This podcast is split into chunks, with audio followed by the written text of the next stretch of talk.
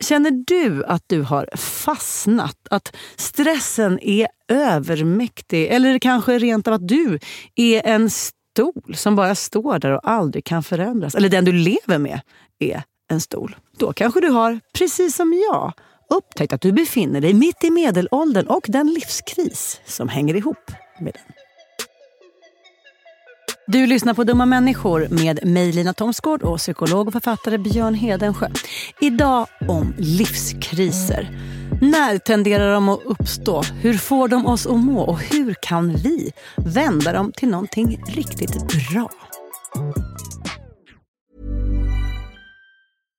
Hey Dave. Yeah, Randy. Since we founded Bombus, we've always said our socks, underwear, and t-shirts are super soft. Any new ideas? Maybe sublimely soft. Or disgustingly cozy? Wait, what? I got it. Bombus. Absurdly comfortable essentials for yourself And for those facing homelessness. because one purchased equals one donated. Wow, did we just write an ad?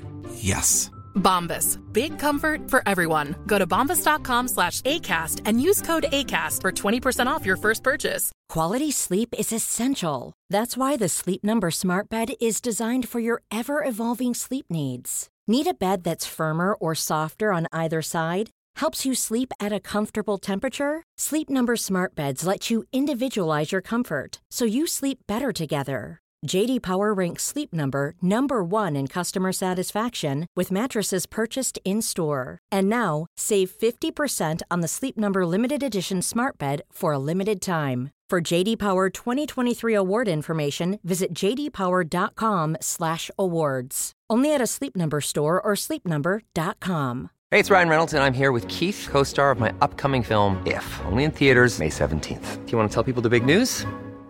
All right, I'll do it. Sign up now and you'll get unlimited for $15 a month in six months of Paramount Plus Essential Plan on us. Mintmobile.com slash switch. Upfront payment of $45 equivalent to $15 per month. Unlimited over 40 gigabytes per month. Face lower speeds. Videos at 480p. Active Mint customers by 531.24 get six months of Paramount Plus Essential Plan. Auto renews after six months. Offer ends May 31st, 2024. Separate Paramount Plus registration required. Terms and conditions apply if rated PG. Dumma människor sponsras av AJ Produkter. Björn, vad är det som gör att man trivs på jobbet? Ja, men en sån superviktig sak som du och jag brukar tjata om, det är det här med kollegor och samspelet man har med sina arbetskamrater. Det mellanmänskliga. Relationer på jobbet, exakt. Man motiverar varandra, positiv förstärkning och sådana saker. Exakt. Ja. Men det räcker ju inte med bara det. Nej. Man behöver också en bra fysisk miljö. Den ska vara säker och trygg. Mm. Man kanske vill ha ordning och reda på lager och sådana saker. Att det är ergonomiskt. Ja, en ljudmiljö som gör att det är lätt att hålla fokus och att man har kanske ordning och reda med rätt förvaring. Och det här är sånt som AI Produkter kan hjälpa dig med. Arbetsplatsinredningen, att se till att förbättra arbetsmiljön och ge allt ifrån råd om en bättre arbetsstol till att inreda en hel arbetsplats för hela företaget. Ja, AI Produkter säljer inredning för kontor, skola, lager och industri och erbjuder över 15 000 produkter och skickar från sitt lager i Halmstad. Och allt detta för att bidra till att människor har det bra på jobbet och att ingen inredningslösning ska stå i vägen för det. Det är Happiness at Work. Tack AI Produkter. Dumma människor sponsras av Länsförsäkringar. Mm, Och Länsförsäkringar är ju mer än bara ett försäkringsbolag. De jobbar ju med bank, lån, pension, försäkringar, alltså alla, hela balletten. Ja, Och det här tänkte jag på i morse när följande sak inträffade. Du vet, jag och Alex har flyttat några gånger och eh, varje gång vi har flyttat så har vi sagt vi ska aldrig mer flytta. ja. Vi har också sagt vi ska aldrig mer renovera. Du vet, så här, i- inte en kökslucka ska bytas ut, inte en färg ska målas om. Nu är det så här och det här blir toppen. Ja. Och det har vi liksom lyckats hålla i nya lägenheten tills det blev vinter. För vet du vad som hände då? Nej, berätta. Jag behöver ett badkar. Och vet du vad jag då är så glad över? Nej. Att jag har buffertsparat just för såna här grejer. Så att jag sätter över den lilla summan 1600 kronor varje månad på ett litet konto. Enkom för när såna här saker dyker upp. Att jag bara måste ta bort en liten duschvägg och stoppa in ett badkar. Och det tänker vi nu göra. Ja, så att oavsett vad någon säger eller vad man säger till sig själv så är det mycket i livet som förändras. Och då finns Länsförsäkringar där för alltid. Så kom ihåg att Länsförsäkringars Bank kan hjälpa dig med lån och sparande. Så att du har till exempel en buffert för när saker och ting förändras. Tack så mycket Länsförsäkringar. Du minns vårt avsnitt om livets lyckokurva, va, Lina? Ja, den U-formade. Precis. Som fick mig att tappa hakan på ett negativt sätt. Mm. För att den nämligen påpekade att exakt där jag är och du är nu, Mm. det är livets botten. Det var liksom U-ets nedre grej. Just det, precis. Den U-kurvan som visar att vi är gladare när vi är lite yngre och eh, när vi är äldre. Och sen så mitt i livet så, så bottnar vi. Och där hade vi ett sånt liksom hela livet-perspektiv i det avsnittet. Men idag tänkte jag att vi ska uppehålla oss lite mer i U-ets botten.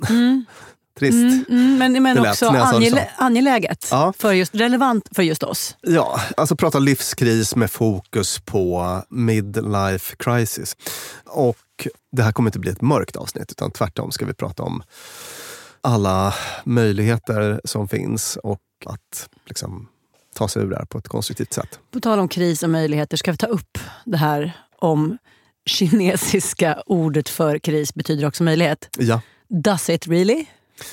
Vi, vi kollade det här innan inspelning. Eh, Det är en sån riktig kliché. Och eh, det visade sig väl att man kan typ skohorna in det kinesiska tecknet Man skulle kunna säga att tecknet på ma- mandarin. mandarin, tecknet för kris, skulle kunna ses eventuellt som en blandning av tecknet för fara plus möjlighet. Just det, något sånt. Mm. Så sanning med modifikation. Men med det sagt så ligger det en del i själva klichén, Ja. tycker jag. Får, får jag fråga en sak? Om Ja. man rent åldersmässigt inte befinner sig i det här livskurvans botten, Mm. Att man inte är i medelåldern utan man kanske lyssnar och är 17 Ja. eller 68. Mm. Visst kan man ändå hitta lite bra matnyttigt i detta avsnitt? Verkligen. Bra. Ja, kan inte nog betonas. Det här, precis. Och vi pratade 100%. lite innan om, om, om andra kriser, som ju, alltså andra livskriser som inte är knutna till ålder. Till exempel separation eller känna att man blir av med sin identitet för att man blir förälder eller kanske dödsfall hos nära och kära eller blir av med jobbet. Så insåg vi att ganska mycket av det ju också inträffar under den här perioden. Ja. Att så här, det finns någon, viss, någon typ av korrelation. Ja, ja. Precis, och det kommer vi också prata om Mm. idag. När vi pratar om orsakerna till, till det här. Då.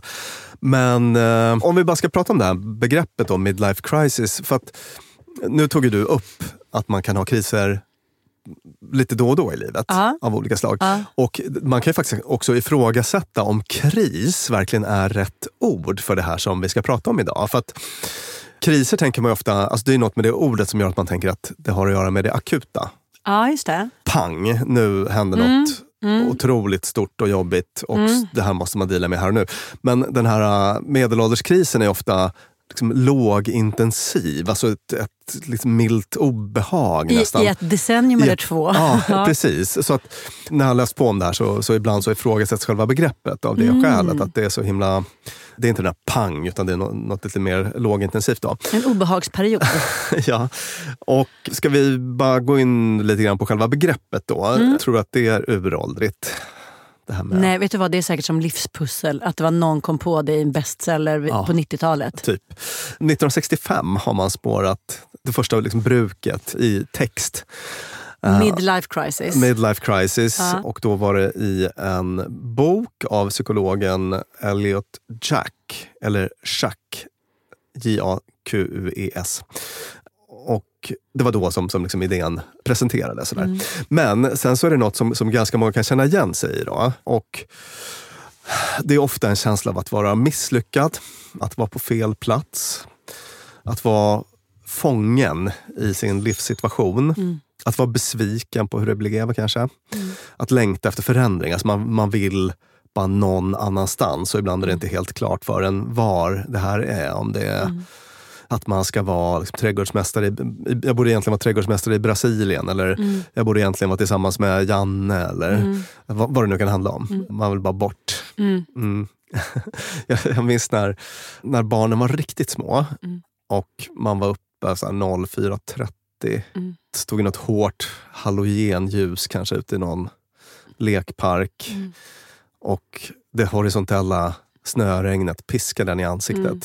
Då hade jag en sån här fantasi om någon liten stuga vid någon vacker kust. Mm. Jag skulle, sitta och titta ut över en fjord i fullständig ro. Kanske. Inte ett, inte ett barn inom en radie på 10 mil. Inte ett ljud Inte inom en ett radie ljud. på Nej, 10 ingen mil. annan livsform överhuvudtaget. Kanske min, kanske min tekittel som liksom bubblade lite. En uggla En i uggla som fjärran. Jag hade något sånt happy place. Eh, ja, men lite, lite den grejen, att man bara längtar till något annat som man kanske Bort. inte riktigt vet vad det är. Sådär.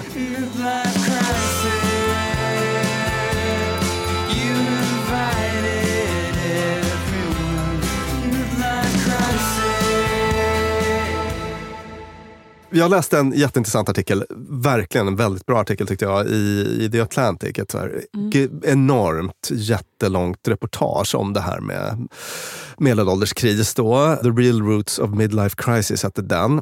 Och där det var en hel del såna exempelröster och jag tyckte att det var mycket man, man kände igen i det, i det de beskrev. Och jag tänkte att vi kan ju börja med att prata om den här liksom, U-kurvan, påminna eh, d- lyssnarna om vad det var. De som har lyssnat på vårt avsnitt och de som inte har lyssnat på vårt avsnitt om livets lyckokurva kan bara påminna er om hur det där funkar. Jo, att på 1990-talet då så började man se det här sambandet i forskning när man tittade på olika typer av studier om lycka och tillfredsställelse och så. Ett lite överraskande resultat började fr- framkomma. Det var några pionjärer på det här området. David Blanchflower på Dartmouth-universitetet och Andrew Oswald på Warwick-universitetet i USA. De kunde hitta det här att, att i eh, 40-årsåldern, mellan 40 och 50 ungefär, så verkade folk vara, ha väldigt låg tillfredsställelse med livet. Eller väldigt låg, alltså jämfört med andra delar av livet. Och man pratade då om den här the happiness U-curve. Tidigare hade man på något vis antagit att, att det var mer liksom linjärt, att man var kanske den här sorgfria ungdomen och sådär. Och sen så gick det ut för på något vis och man tänkte att bli gammal är alltid dåligt. och sådär. ja. Men så, det som vi kunde prata om i det avsnittet också, om jag nu påmindes om när jag läste om det här, det är ju rätt fantastiskt. Till exempel att ens liksom, bästa emotionella liv har man 70 plus. Är det inte Det är underbart att tänka på det är så det. härligt att tänka på? Ja, att att det inte är liksom en downward utan man bara, gud vad härligt det ska bli när jag är 70 och sitter där och bara är helt nöjd. Just det. Och sen så, det här, så många andra res- resultat, så, här forskningsresultat inom psykologi, så har det varit lite omdebatterat och så, men det finns ändå sammantaget en ganska stark sån, starka bevis för det här i olika kulturer. Och också liksom justerat för, alltså om man plockar bort massa andra faktorer. Ah, jag kommer komma in mer på det sen. Men, men men den här U-kurvan liksom verkar finnas alldeles oavsett. Och till och med, det här var kul, hos vissa primater som uh, orangutanger och schimpanser. Och då kan inte de svara på enkäter kanske Nej. ni som lyssnar invänder. Nej, men deras skötare kan ha ganska bra koll på deras mående. Ja. Så att man har gjort sådana experiment där skötare har fått skatta måendet hos liksom varje dag. Hur, hur tillfreds verkar den här uh, orangutangen med livet? Och då har man kunnat sitta, hitta samma U-kurva där. Att eh, liksom motsvarande eh, 40-50-årsåldern, de, de har ju väldigt kortare liv och sådär. Då, Så har de också en sån dipp. Jag hade en sån systerlig känsla när jag med min ett och ett halvt år tittade på något sånt naturprogram. Nu bara för någon dag sedan. Där han ville titta på apor. Och så fanns det några stora apor. Så var det en mamma som klättrade i träd med sin lilla apbebis som liksom levde på henne dygnet runt. Typ. Alltså bara hängde med sina långa armar runt halsen. Så här. Och så var det någon som klättrade på hennes huvud. Vet du, så här, en fot på underläppen, en fot på näsan och bara hängde. Hon bara satt där fullkomligt lakoniskt och blev klättrad på. Och sen så hänger sig bebisen på henne och med sin lilla bebissnopp kissar ner henne. Alltså från haka och neråt. Och hon bara sitter där. Och så kände jag så här, I feel you sister. Ja. Det där är verkligen jag och vårt liv just nu. Så bebisen liksom fäst som ett plåster på en dygnet runt. Och kanske att vi upplever då även samma livskris. Ja. Man har också hittat då, eh, 2008 så hittade man i, eh, i någon sån här större studie i eh, 80 länder. Man plockade fram en medel. Alltså man hittade ett medel för eh, det här när man bottnar. Vilken ålder tror jag Inte ett skurmedel utan en, ett medelvärde. Medelvärde, Ålder. Eh, mm. Det var 42. 46. 46, kul för mig. Ett år kvar. Ja.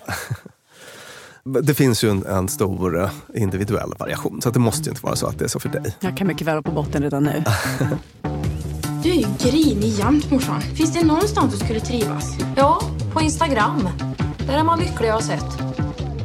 Jag tänkte vi ska prata nu om orsakerna Ja, till att vi hamnar Mm. i, eh, i den här krisen. Då. Och det första är det som du var inne på med när du kände släktskap med den här apmamman. Ja. Egentligen stress. Och, men också låst. Det, det, det var många saker jag kände slä- släktskap med där. Ja, stress Ja. och låst. Mm. Nej, men det här att mellan 40-50, Mm. det, det är mycket av allt. Det är liksom mycket, mycket karriär. Alltså man har ju aldrig mer på jobbet nästan än vad man har då. Man har relativt små barn ofta och mycket förpliktelser kopplade till familjen och sådär. Mycket! Mm. Otroligt mycket. Det- det- Och mycket där man ska prestera mycket också. Ja, Det finns inte den här, så här man är yngst och nyast på jobbet eller man är den liksom, byäldste på jobbet. Utan man är the one. Mm. Just det. den ska vara... Ja. Precis, och det där kan ju ge en del flyktimpulser. Mm. Det var lite grann det som jag beskrev där i början med de här små barnen och så. Som Mm. man, man står ute i parken, att man kanske hellre just där och då är någon annanstans bara. Ja. Men då ska man ju påpeka att, att även när man liksom rensar för det här, alltså om, om man plockar bort den här typen av faktorer. Mm. Alltså eh, folk som inte har det här, som är i den här åldern och inte har jättemycket, Krävande jobb eller hundar eller Ja. lägenheter. Eller, ja. de har också det här så att säga. Jaså? Så att det kan absolut vara en delförklaring, men den, Mm. den är verkligen inte tillräcklig i sig.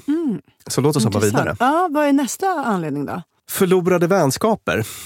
Eller att Mm. man har, eh, så att säga, ett mindre rikt socialt liv än i andra faser av livet. En sån här grej som tas upp Mm. som en delförklaring. Vad tänker du om det?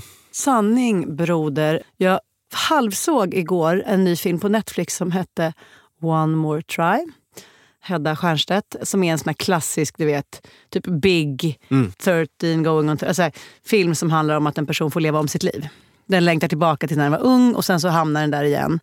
Och så får man se allt. Åh, gud, det, var så, det var så mycket socialt, det var så mycket roligt, det var så mycket fester och så mycket liksom, flörtar och kärlek och allt sånt där. Och att så här, it was. Eh, och fasen vad man får ligga i nu för tiden om man ska få till en, en bråkdel av det där. Ja. Eh, Alltså så här, den, den tid man förut hade att lägga på vänner är nu så, den är så liten, den är så försvinnande liten. Så att det är så här, ska jag gå på dass eller ska jag ringa en kompis? Jag måste prioritera dass. Ja. ja. Sån stämning. Mm. Du är ju the one i min bekantskapskrets som har klarat det där bäst skulle jag säga. Du har ju en väldigt, väldigt... Jag, jag bara tänker på att när jag hade barn i din ålder och sådär. Ja, ja. Alltså jag var så pass dålig på att hålla i det sociala då så att det Ja. nästan blev ett problem. Alltså det, då hände det här mig verkligen. Du vet, såhär, hur länge sedan var det jag pratade med kompis X? Eh, det var nio månader sedan. Vi hängde dagligen förut. Alltså det, det blev jättemycket så att jag på något vis tappade vänskaper. Jag, jag liksom, gud vad det rann ut i sanden grejer. Så, så att jag, jag kunde verkligen relatera till det där. Mm. Och sen så rätt vad det är så kan man, kanske man känner sig lite ensam eller så. Men, men du är så otroligt bra på att... Om, om du skulle jämföra med hur jag levde med vänskaper innan. Mm. Alltså om vi hade känt varandra för 20 år sedan. Mm. Så hade du sett en markant skillnad. Ja. Alltså jag har levt mitt liv i social... Alltså allt har handlat om så här, jag ska aldrig äta middag ensam. Vi ska vara tio personer, vi ska vara 20, varenda helg ska det vara liksom knytkalas. Alltså allting har bara handlat om hur jädra mysigt jag tycker att det är att vara ett större gäng som gör saker ihop. De kan liksom inte vara för stora. Så att nu för tiden tycker jag att det är så svältfött på socialt så det är inte sant. Men med det sagt så lägger jag ju också verkligen manken till. Ja. Att jag vet att trots att jag är trött och ser ut som hej kom och hjälp mig och lägenheten är stökig så kommer jag bli lyckligare om jag bara kokar lite mer makaroner och smsar mina vänner och säger kom hit. Ja. Att det är värt det. Alltså det, är, det är en ansträngning. Det är så här, skulle jag bara gå på vad, som, vad kroppen orkade och ville så hade det inte sett ut så här men då hade jag inte heller fått belöningen liksom, av att faktiskt ha åtminstone några vänskaper kvar. otroligt liksom, viktig och bra färdighet. Som, vi- som vi kommer prata lite mer om Mm. Ja. sen när vi går in på lösningar. Då. Och sen så är det ju så Lina också att det, i de här åren så kan det ofta hända ganska stora saker. Till exempel, men, säg att ens föräldrar går bort och så. Alltså det finns många potentiellt... Föräldrar går bort. Folk Ja. Mm. börjar få såna här riktiga sjukdomar. Så här, alltså, cancer, sånt som bara var ett läskigt ord när man var yngre, plötsligt liksom, finns lite överallt. Skilsmässor under småbarnsår. Ja. Och barn som har trubbel. Det är också något som verkligen skapar kriser. Ja. Det är Otrolig stress. Ja. Is this like a midlife crisis? It's not that bad. It's not? No. Why do you think they call it a crisis? Sen har vi nästa punkt som är lite släkt med föregående. Då. Jag kallar den social rekalibrering. Man är ett glapp egentligen i den här åldern. När man går från, det var någon forskare som pratade om det som att man går från social tävling till social samhörighet. Eller man går från social competition to connectedness. Alltså, det är en skillnad mellan, när man är lite yngre så, så handlar det, jag vet inte, jag, jag kände igen mig i det här. Att, att, säg före 40 så är det väldigt mycket i livet som handlar om eh, på något sätt det sociala spelet. Positionering. Positionering. Ja, visst. vem, Vad är jag värd jämfört med dig? Vem kan få vem? O- Ja. Otroligt mycket liksom jämförelser av, av den typen. Ja. Ja. Och sen så går man över till någonting annat så småningom som är mycket mer vilka relationer är viktiga för mig. Mm. Och Jag minns att när vi pratade om livets lyckokurva, liksom en förklaring som forskarna lyfte fram till varför folk är så himla nöjda ofta i 60-årsåldern till exempel, Mm. Ja, eller så här 70-årsåldern. Det- Det är att man har ett helt annat fokus på de viktiga relationerna och har skalat bort massa relationer som bara kostar eller folk som, är, som man egentligen inte gillar kanske. Och sådär. Utan man, man- är bara fokuserad på riktiga kvalitativa relationer. Och när man är mellan 40 och 50 så är man precis i någon typ av övergångsfas där ofta. Det håller jag helt med om. Jag tycker att det är jättespännande att inse hur mycket av mitt liv som har styrts av att så drivet att ha karriär eller en härlig lägenhet eller hobbys. Alltså det är så här, För det kan se härligt ut i andras ögon. Ja. Och att det faktiskt är en av de sakerna som har minskat med åldern. Och där man är nu är det så här, men vem bryr sig? Ja. Det är väl ingen som bryr sig om jag drejar eller inte. Alltså så här, Det finns ingen som ger sig ut i världen för att kolla efter någonting som inspirerar och tänker kolla på mig och bara oh, hon var bättre på att fläta hår än jag. Alltså så här, den aspekten av det, den Ja. liksom lite kompetitiva eller vad det kan tänkas heta. Så här, it's gone. Och med det kommer ett lugn men också lite så här, hopp. Varför ska man då göra grejer? Alltså förstår du? Så här, Ja. En drivkraft. Ja, Så den, den har slut på bensin. Så Ja. bara pjutt, pjutt, pjutt, pjutt säger motorn. Och man bara, varför ska jag göra alla de här sakerna då? Vad, vill? Alltså, och det, det lämnar liksom... Det är inte bara dåligt tänker jag. Alltså, Nej, exakt. ibland kan det finnas någonting värdefullt i att man vill imponera på andra. Ja, exakt. Och så. Nej, men verkligen. Så som en och även såna saker som så här, jag vill göra mig fin och gå ut och visa att jag är fin för andra. Att så här, Det är något livsbejakande i ja, det. exakt. Exakt som jag känner att jag just nu är inne i en period där det liksom grej för grej försvinner. Mm. För att det kanske den här känslan som ingen bryr sig. Eller så här, hur fin jag än gör mig så är jag ändå fulaste gäng. Eller liksom såna där... Ja. Jag hamnade för ett tag sedan på en eh, sån festkväll med Mm. ett gäng. Det, det var bara så intressant att, att bara observera sig själv i det. För att då kände jag att här, okej, här är en massa män, människor där jag känner att det är viktigt. Det är väldigt viktigt för mig att typ kanske imponera lite på dem. Eller att, Ja, ja. Alltså, jag bara, flashback till högstadiet. Alltså, jag, så här, tyvärr så, för mig brukar inte det vara... Alltså det är liksom ingen bra drivkraft. Jag känner Nej, att jag jag blir, Du jag blir inte nödvändigtvis roligare och bättre Nej. Nej. jag blir ingen bättre vers- version av mig själv sådär, i det. Men, men, men att man fortfarande har det där lite i sig. Så att, och då tänkte jag så här, dagen efter, bara, blev jag gladare av den där kvällen? Liksom, det. må, Ja. mådde jag bra av ja, det? ja. Nej, det gjorde jag inte. Det gjorde du alltså, det inte. var, jag var så på lite sämre humör efter än vad jag var innan. och sådär. Ja, för Och du var tillbaka i den där jämförelsegrejen. Ja. Ja, just det. Precis, och, och, och, och då tänkte jag att jag behöver nog kanske lite mindre sånt ändå i, i, livet. Det är ingenting, jag, jag ska inte sträva ditåt. Sådär. Gud, vad intressant, för det känns ju ändå som att det där är precis, precis de där stationerna är det man saknar. Mm. Att de bara så här kommer in på stället och så här, känslan så här, och alla är där och man sitter i en ring och så får man ordet och så vill man säga något som så här, Ja. och nu är man så här, äh, eller så här, jag umgås inte med människor där jag behöver känna att jag ska vara på tårna. Nej. Eller liksom Nej. vässa till mig eller, Exakt. Mm. eller få dem att bara gå därifrån och bara “men den där limpan, vilken tjej!”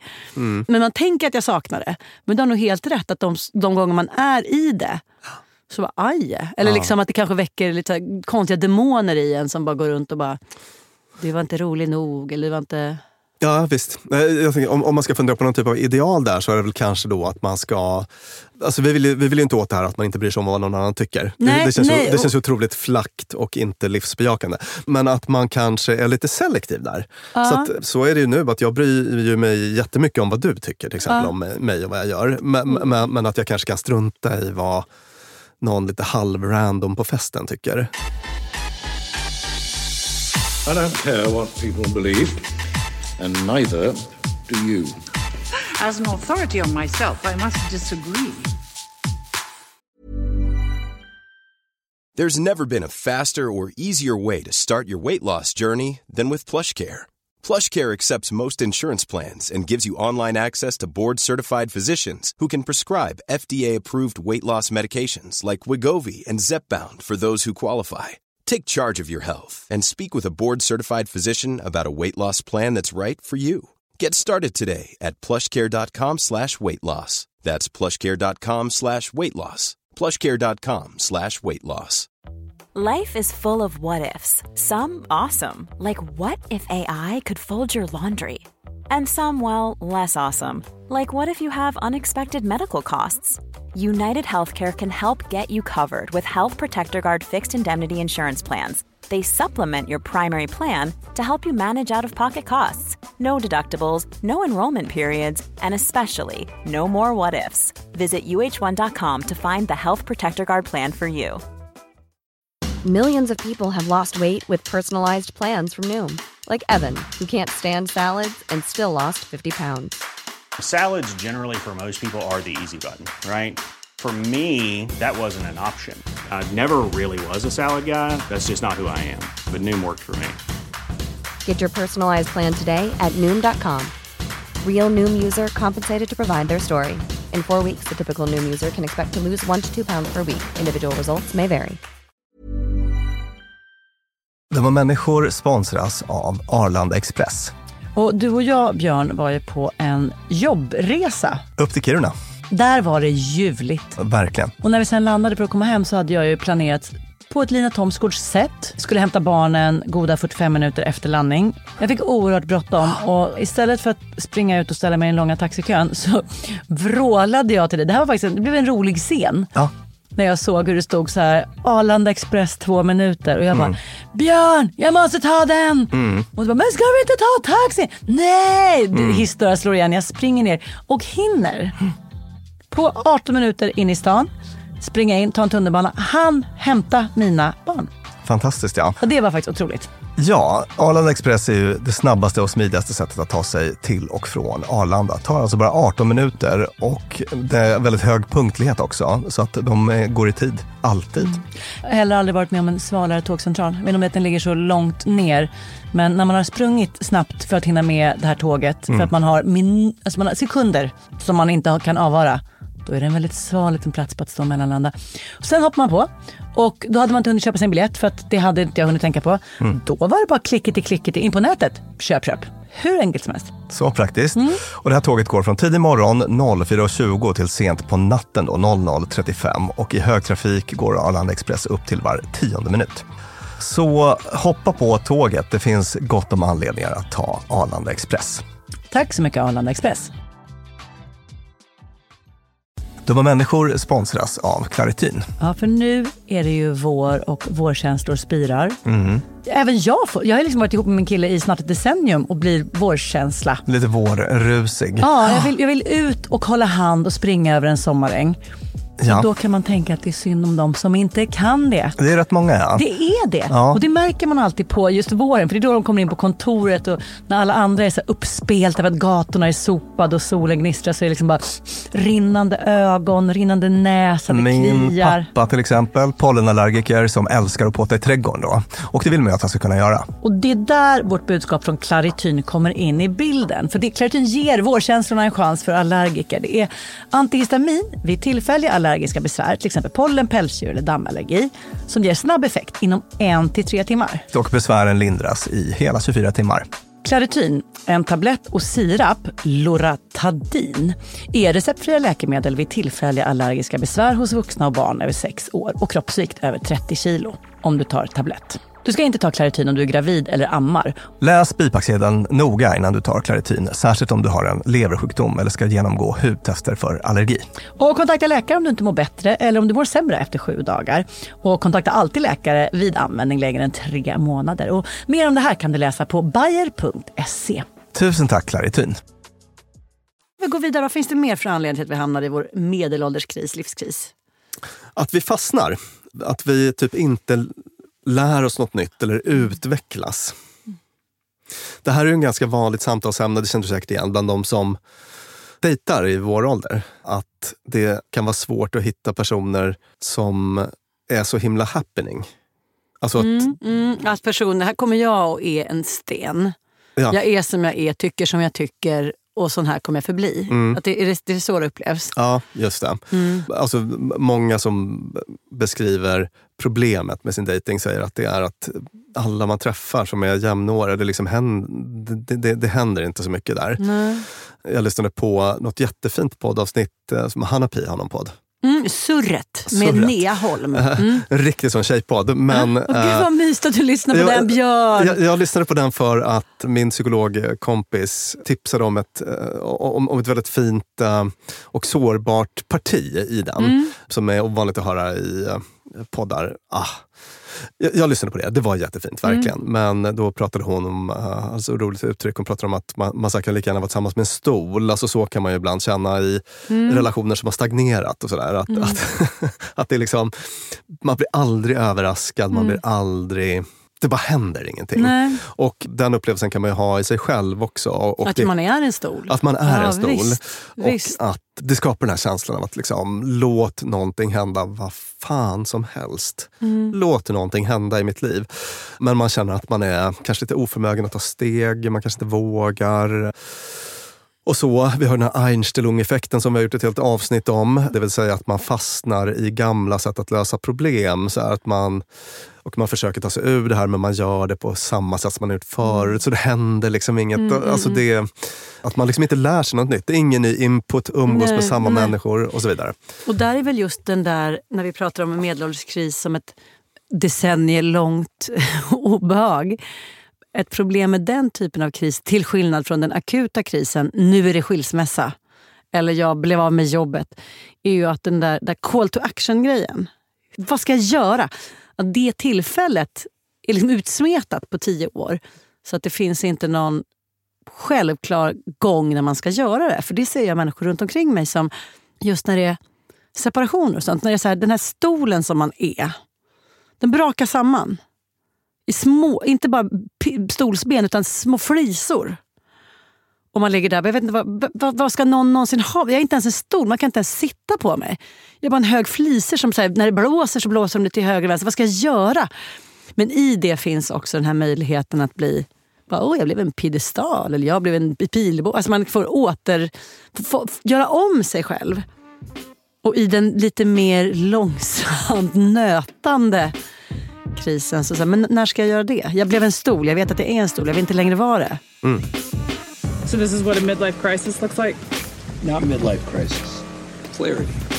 Midlife clarity. Clarity. Huh. Flera anledningar till att den här krisen uppstår. Det här är den sista mm, anledningen jag tänkte ta upp nu. Då, Mm. Och den kallar jag för väntanskapet. Väntanskapet eller förväntan? Förväntanskapet. Förväntanskapet. Och här kommer vi in på bland annat det här med bokslut. Just, när det var så här det blev. Mm. Tankar på det? kan ha nämnt det förut, men när jag fyllde år sist så la jag upp en bild på Instagram där jag försökte sätta ord på den känslan jag hade. Nämligen att alla mina födelsedagar innan var lite så här, fram med ritblocket. Vad ska hända? Vad ska jag bli? Vad ska jag göra? Lite så här, åh vad mysigt att bara sätta sig och liksom dra upp olika så här, scenarion för min framtid. Vad, liksom, allt är möjligt. Nu ska jag bli en sån som. Eh, mitt liv ska bli sånt här. Och så plötsligt insåg jag att så här, nej men, mitt liv är. Det utgörs nu av såna stora fundamentala prylar som inte är utbytbara. Jag kommer inte kunna säga bli ihop med Michael Jordan i New York eller bli reseledare eller skriva... Så här, det finns inte längre på kartan. Mm. Så här sitter jag med två barn och med Alex i vår lägenhet och det är liksom så här, Det här är vad det blev. Mm. Och att det var något så otroligt vackert i det. Just där och då så kände jag en sån tacksamhet och lättnad över att så här, av alla saker, av all skit det hade kunnat bli, så blev det ändå de här bitarna som jag ändå var, ville ha. Mm. Det, här, det blev inte Michael Jordan, men hej, det blev Alex. Mm. Och det blev ingen flicka som jag får göra små flätor på, men det blev Vito och Max. Och här ligger jag i en säng och någon har på sig en Spindelman direkt och någon annan snorar ner mig och Alex ger mig ett presentkort på present. och skriver, alltså här, This is it. Och det gör ju också att, jag, att inte få sätta sig vid ritbordet är en sorg. För det är kul att känna att man har makt över sitt liv och att man vill styra skutan åt något håll. Men också någon så otrolig lättnad i att så här, ah, det här är vad det blev. Mm. Verkligen en sån bokslut. Och det kan ju vara ganska smärtsamt också. Ja. Lite beroende på vad man är, vad man känner och Ja. vem man är och så vidare. Det kan ju också vara att man har fått det man tänkte att man ville ha. Mm. Men att man inte känner sig lycklig för det. Just det. Ja, det var en sån, eh, den här, liksom artikelförfattaren till den här artikeln i The Atlantic som jag läste, han, han beskrev det precis så. Att, att Mm. han satt med och bara, ja, det där blev som jag hade tänkt med karriären. Jag fick det jobbet som jag hade Mm. drömt om. Jag träffade den där kvinnan som jag hade velat träffa. Eller Mm. nej, han träffade en man för att han var gay. Ja. Och så vidare. Alltså det var check, check, check, Mm. check. Men han bara, och ändå så är jag inte glad. Jag känner mig Mm. liksom besviken över att det inte känns som jag vill. Eller det blev liksom inte som jag ville ändå. Det var hans eh, upplevelse av den här krisen då. Ja, gud, den känner jag igen. Den Mm. har man ju haft med vänner som sitter i just där det var så här det blev. Och bara, varför är jag inte nöjd då? Ja. Varför är inte nu jag bara, hurra, här står jag med guldbucklan. Ja. Och bara, wow, inte i mål men liksom så här, Mm. satsade allt på det här och så blev det. Ja. Hurra. Ja. Och vi pratade om de här sociala jämförelserna tidigare. De dyker Ja. också ofta upp då i det här boksluts, det inre bokslutsarbetet. Ja. Att man till exempel jämför med... Jag menar, en dålig dag så hamnar man i det. När man ser hur gammal... eh, Du vet, någon väldigt ung som lyckas med något som man själv inte ens har varit nära. Mm. Som man kanske känner lite grann eller så. Mm. Man sätter på sånt och så kan det vara... Han skrev den här um, artikelförfattaren då om uh, att han var jämnårig med Barack Obama. Mm. Och att liksom, Trist. eh, även om han gör en jättefin karriär, så att gå sida vid sida med en sån person. Ja. Och så bara, ja visst, men om man jämför med honom så är det här ju ingenting. Liksom. Så att hjärnan är ju eh, lite besvärlig på det sättet. då. Men i det här så stötte jag på en väldigt intressant studie, tyckte Mm. jag, som handlar om, om det här förväntanskapet. Hannes Schwant, en ekonom på Mm. Princeton, gjorde en studie på tysk longitudinell data, alltså där man har följt Mm. samma personer under lång Mm. tid. Och upplägget var så här, att hade jättemycket olika folk i olika åldrar. De fick uppge vad de hade för tillfredsställelse med livet just nu och Mm. vad de förväntade sig om fem år. Och I och med att han följde samma personer så kunde han se då eh, att eh, då kunde han jämföra förväntningar med utfall. Mm. Liksom blev det bättre eller sämre Ja, än vad ja. folk trodde? Eller ungefär så som de trodde. Och det han kunde se då, det var att yngre personer konsekvent överskattade hur nöjda med livet de skulle vara. Mm. Äldre personer underskattade konsekvent hur bra livet skulle bli och blev därmed positivt överraskade. Ah. Yngre blev negativt överraskade. När jag blir ihop med, när jag får min drömkille, då kommer mitt liv vara toppen. Mm. Man fick drömkille och bara, nej, han var inte så drömmig. Just det. Mm. det. Det är ett liksom typiskt ungdomsscenario. Då. Ja. Eh, Ett typiskt äldre scenario är så här, eh, Pensionen, det blir inget kul, det kommer vara eländigt tråkigt. Sen bara, det Ja. var nice. exakt. Så tråkigt var det inte. Precis. Men de här som är mittemellan, Mm. folk mellan 40 och 50, hade en alldeles särskild tendens. Mm. A sort of double whammy, alltså det betyder Dubbeldåligt. dubbeldåligt. Ja. Nämligen att folk i den åldern tenderar att både känna sig besvikna, Ja. men att också vara pessimistiska. Alltså, kul kommer det inte bli. Det blev ännu tråkigare än vad jag trodde. Alltså så här kul är det inte och det kommer inte heller att bli, v- v- vara kul. Liksom. Nej, ja, just det. Och sen Ja. när, när det sen inte var kul så blev jag ändå besviken. Ja, för att man är det där uvet på något vis. Ja. Och det var bara intressant att se att det fanns forskning på det där. Då. Så att den här Schwant skriver då att, att det här fyndet stöder hypotesen att U-kurvan i livet vad gäller livstillfredsställelse drivs eller påverkas av att man inte har nått sina förväntningar eller aspirationer, aspirations. Mm. Och det känns liksom smärtsamt då i Mm. mellan 40-50 där. Men man liksom släpper det där, alltså man släpper besvikelsen när man, eh, när man blir äldre. Det blir mycket mindre liksom ånger och sådär. Ja. Man lägger ner jämförelserna och är mer tacksam för det man har. och sådär. Är det så att man ju äldre man blir bara blir mer och mer förlåt, uppgiven, luttrad? Alltså så här, när man är liten man bara "Ih, jag ska bli supermodell i Paris och jätterik och sen så bara nej det blev jag inte alltid. Och så, ja, så mot slutet är man så här, vad ska hända för skit idag då? Mm. Och då blir man inte, alltså att, man liksom, att, det, att det är det som sker med oss. Jag har faktiskt slutar drömma. Slu, ja. Jag har ett svar på den Ja. frågan. Eller Dilip V. Jeste, som är någon eh, indisk-amerikansk eh, psykiater och forskare. Då. Han är specialiserad på liksom visdom, det är hans Mm. eh, Wow. grej. Och han har gjort någon studie på det här, då, bland annat med hjärnskanning och andra metoder, alltså enkät och sånt där. Någon studie som heter Don't look back in anger, responsiveness to missed chances in successful and non-successful aging från 2012.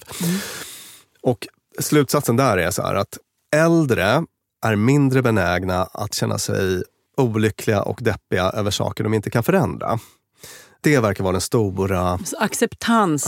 Acceptansen acceptansgrejen. Ja. Att, att, att, Mm. man, att den verkar liksom komma med, med ålder. Just det, ja. Och han menar att det är den stora faktorn där som, Ah, som, det- som, som gör att man Alltså om man är i den där situationen att man gör det här bokslutet, det finns ju så olika sätt att ta sig an precis Mm. samma fakta. Ja. Alltså, jag tänker på den här liksom, Thåström-låten Fan, fan, fan. Fan, fan, fan, skulle vara... Det skulle varit du, Ja. eller vad han sjunger. Alltså, jag menar, alla har väl den typen av tankar någon gång. Eh, såna här sliding doors-fantasier. Om, jag hade, om det hade blivit henne, eller om det hade blivit honom, eller om jag hade tackat ja till det jobbet. och sånt där. Alltså, man kan ju antingen gå i kamp där och, och bara Ja. bli förbannad och så. Eller så kan man bara, ja men nu tog jag inte den dörren. Jag, to- jag tog en annan dörr och det blev det här. Det. Och den här personen är inte perfekt på det sättet men har det här som är väldigt fint. Och att man har mycket mer fokus på... Alltså det, det handlar väl om var man förlägger sin uppmärksamhet. Alltså om man, går, om man stannar kvar i det där som redan har varit och som man inte kan Mm. påverka. Eller om man bara, okej, det här är spelplanen nu. Vilka kloka drag kan jag göra härifrån? Och så. Just det, Eh, det är roligt när man tittar på sina barn. En fem och ett halvt-åring som blir så jävla förbannad när hans superatletiska kusin på 18 år springer ifrån honom. Ja. För att han bara "Åh, “Varför kan inte jag springa lika snabbt?” Eller Mm. när en ett och ett halvt-åring ska stoppa in en stor, stor kudde som bara kan ha en gånger en meter ner i en liten glasslåda Ja. och den inte får plats. Alltså det, är, det är som kränkning. Mm. Det är så oacceptabelt. Ja. Alltså när man var liten så bara, allt ska vara möjligt och är det inte det så blir jag tokig. Ja. Och sen så bara år för år så bara inser man att så, nej, all the options aren't open. Mm. och det är bara att hacka i sig. Ja. Han hade något så otroligt intressant um, evolutionspsykologiskt resonemang om Ah. varför det är så olika. Och Mm. att det fanns någon tanke om att den där, vad ska man säga, alltså den där tävlings... Liksom, the fighting spirit, eller vad man ska säga. ah, Att den kan vara lite funktionell sådär när man kanske är i fertil ålder och så. Mm. Och att den där visdomen kanske inte behövs så himla mycket så länge som man är fertil. Men att äldre personer, för att bidra till gruppen, behöver den där äh, visdomen. Alltså att, att man, äh, man, man får en viktig roll på något vis som bärare av visdom.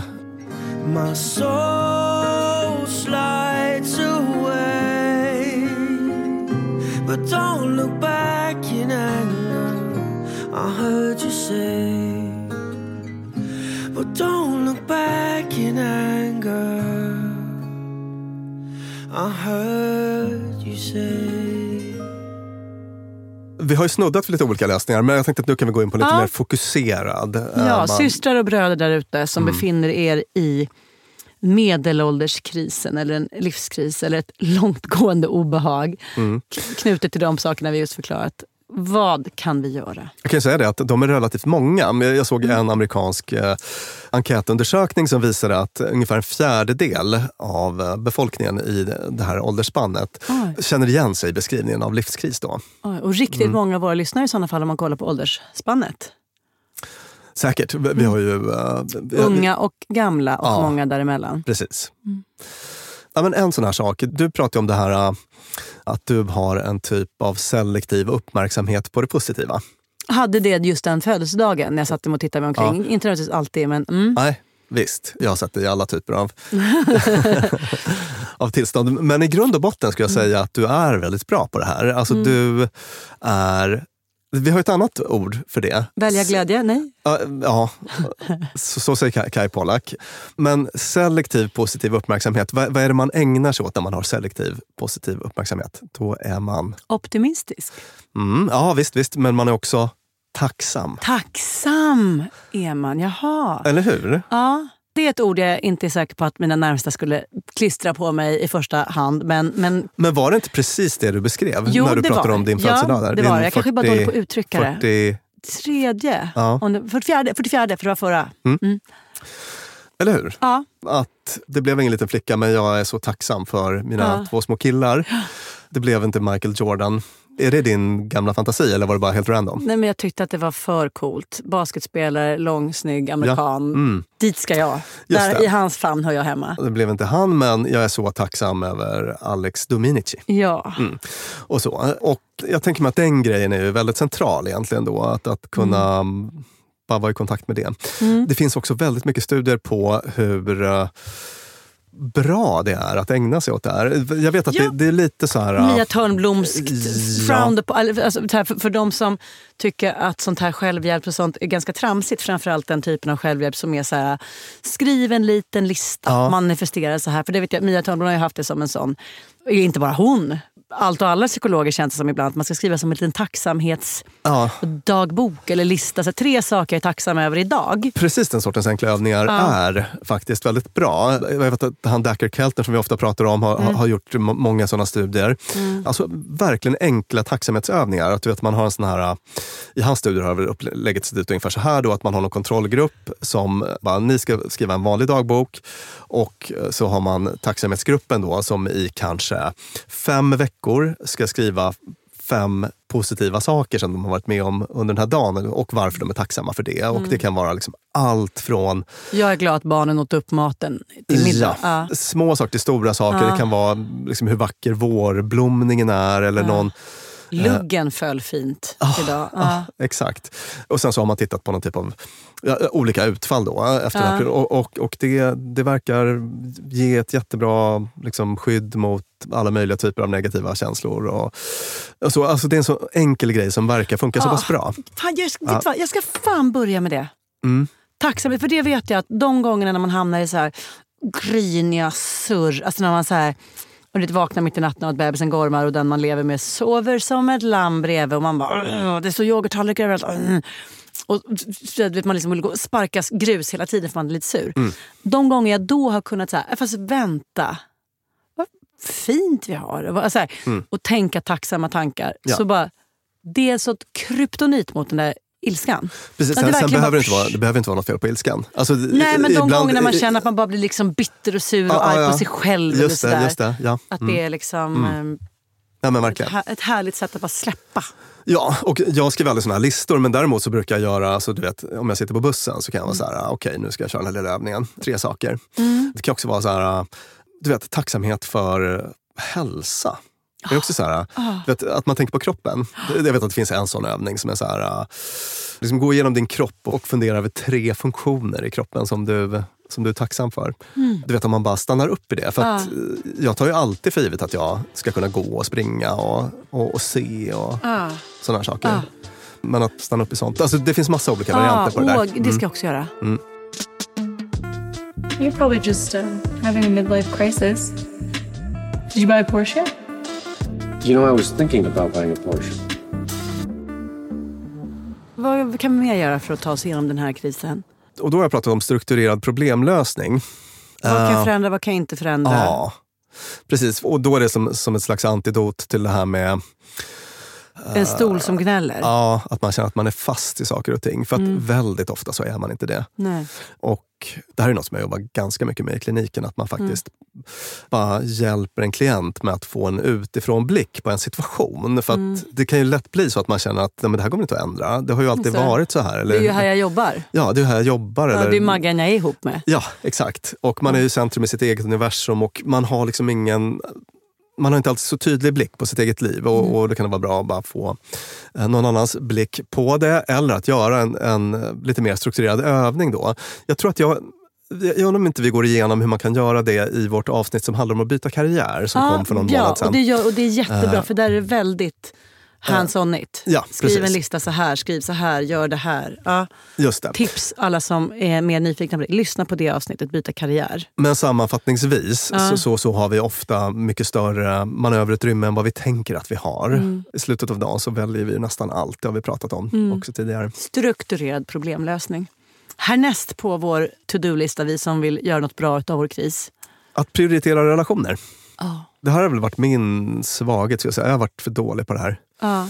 Och försöker verkligen aktivt att skärpa mig. Ja. Och att inte lyssna så mycket på den inre rösten som säger, men är det inte, är det inte bara mer bekvämt att titta på ett, ta ett par avsnitt ikväll istället? Mm. Du är ju en sån här som, för dig är det ganska lätt för att du är så, otro, du är så otrolig, liksom, vad ska vi kalla dig, sällskapsmänniska. Eller du, Ja, men det, det är nog Du- sant. du- du- Sällskapsmänniska. du är jag har ganska och låga verkligen- trösklar generellt. Ja. Men det har också att göra med såna här saker som att jag har övat upp mig på att träffa vänner fastän jag är ful eller ledsen. Bjuda hem folk fastän det är stökigt. Ja. Alltså såna här saker som Ja. är det som annars Ja. hindrar folk. Mm. jag har ju gjort det och visat för mig själv att det inte är hela världen. De får komma hem, det blev makaroner. Mm. Barnen skrek, men det är inte hela världen. just det.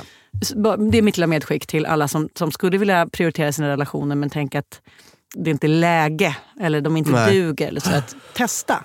Jag vet ju att jag mår super när jag väl träffar folk, men den inre rösten säger ofta... Alltså det, min tröskel är ofta ganska hög Ja. för att dra ihop något eller bjuda hem på middag. Eller, alltså det Mm. blir väldigt lätt att jag... Den inre rösten säger att du borde ha lite egen tid eller gör någonting på egen hand. Eller, Ja, men så. stämmer inte det då? Egentidsgrejen? För det, jo, har jag, jo. det har alltid varit min demon. Att jag aldrig hittar egen tid och att det, är så här, det kommer bita mig i arslet någon dag. Ja. Men Eh, jag är ju aldrig sugen på det. Nej, nej, precis. Nej, men om man är lite mer som jag då. Eh, Jag, Mm. jag tror att det, det är ett mycket vanligare problem att man, skulle jag säga ändå, att man har för lite. Mm. Så- Lite relationer. Ja. Och då att faktiskt använda sig av att liksom planera in, Mm. att ha det perspektivet, att hjälpa sig själv på det sättet. För att Mm.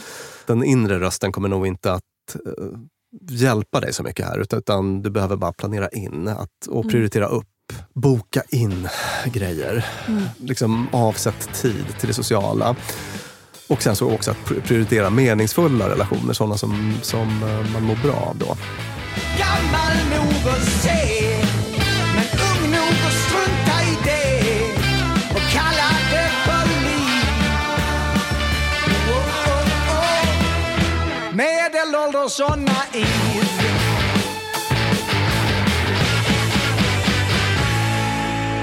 Och så går vi vidare på nästa. Mm. Jo, att lära sig nya saker. Om man, är en, Ja. om, om man är en person som känner att man har stagnerat och sådär. Ja, stolen. Ja. Mm. Jag hade ett tag när jag kände att, nej men att det var många då i eh, min ålder som på något sätt, alltså, samtalsämnena började kretsa ganska mycket kring, alltså man konsumerade och sen pratade man om sin konsumtion. Ja, just det. Köpte en jacka, såg en tv-serie, Ja. åt en mat. Ja. Och att bara, Aue. ska vi ha det så här? Nej men eh, det kan ju vara otroligt mysigt att bara kunna Mm. gå upp i det kan vara jättehärligt ibland. Men, men, men jag känner att, att det, var en, ett ganska stort sjok av livet när, när det blev väldigt mycket prat om det bara. Ju Intressant också att förr i världen skapade man eller utforskade och nu så bara konsumerar man. Ja, men vet du vad det fina var med det? Nej. För att, för att jag kände att- det fanns nämligen ett efter. Alltså det, Ah. var, det var en liten tillfällig svacka som var att jag tror att det var så här Ja, men folk var, det var så mycket småbarn, det var så mycket karriär. Mm. Så att liksom, man pratade karriär, småbarn eller konsumtion. Alltså det fanns inte Ah. riktigt utrymme för något annat. Nej. Men nu när folks barn har blivit lite större, mångas barn Mm, har blivit lite mm, större, mm. så börjar folk få lite mer energi. Och Mm. då är det lite mer projekt. Det är lite mer Det startas lite fler... Ja, det bestigs berg, det, det- springs maraton. Det startas lite företag. Det byggs om.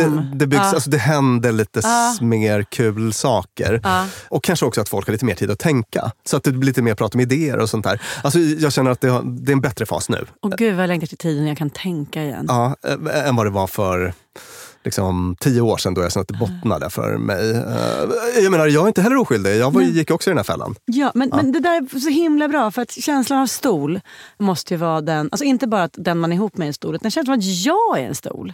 Den kan stå här resten av livet, sen dog stolen, sen var det slut. Mm. Och att bara vägra acceptera det.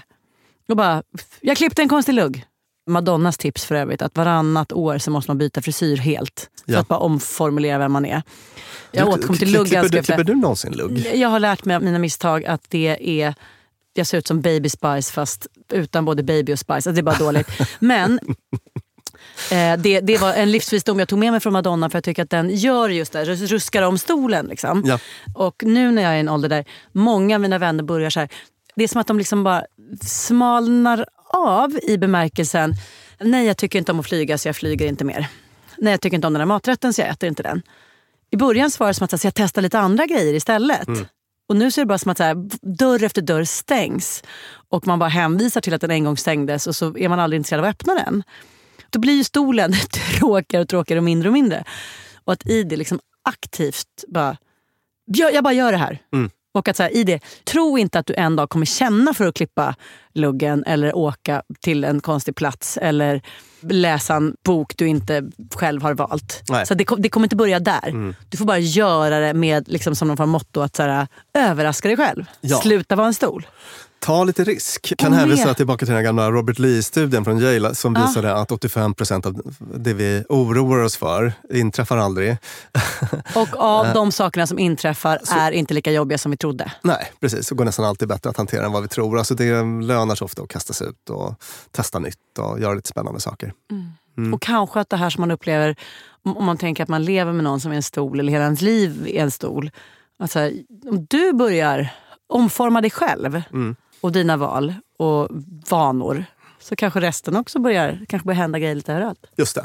Har vi några mer tips? Jo, jag tänkte då bara ett sista som är Mm. att eh, det kan vara lite skönt att vila i det här att, att man vet att det blir bättre för väldigt många. Ja, U har en, ett uppåt. Att U tar ett uppåt, så att ha lite Ja. tålamod bara. Det är, eh, vad kallar man det, naturlig läkning. Det blir också lite bättre av sig självt. Men det är om flera decennium så jag föredrar att klippa lugg och vara tacksam. Mm. Ja. Tusen tack Björn. Jag tycker det är så mysigt när vi gör såna här utzoomade livsavsnitt ibland. Mm. Hörrni, tack för att ni lyssnade på vårt livskrisiga avsnitt. Jag heter Lina Thomsgård, Björn Hedensjö, psykolog författare, sitter mitt emot mig. Vi är i full blom, medelålderskris, men den är ganska mysig också. Ja. Producenten vår heter Klara Wallin och vår klippare heter Peter Malmqvist och vi spelar in på Beppo. Tusen tack för idag.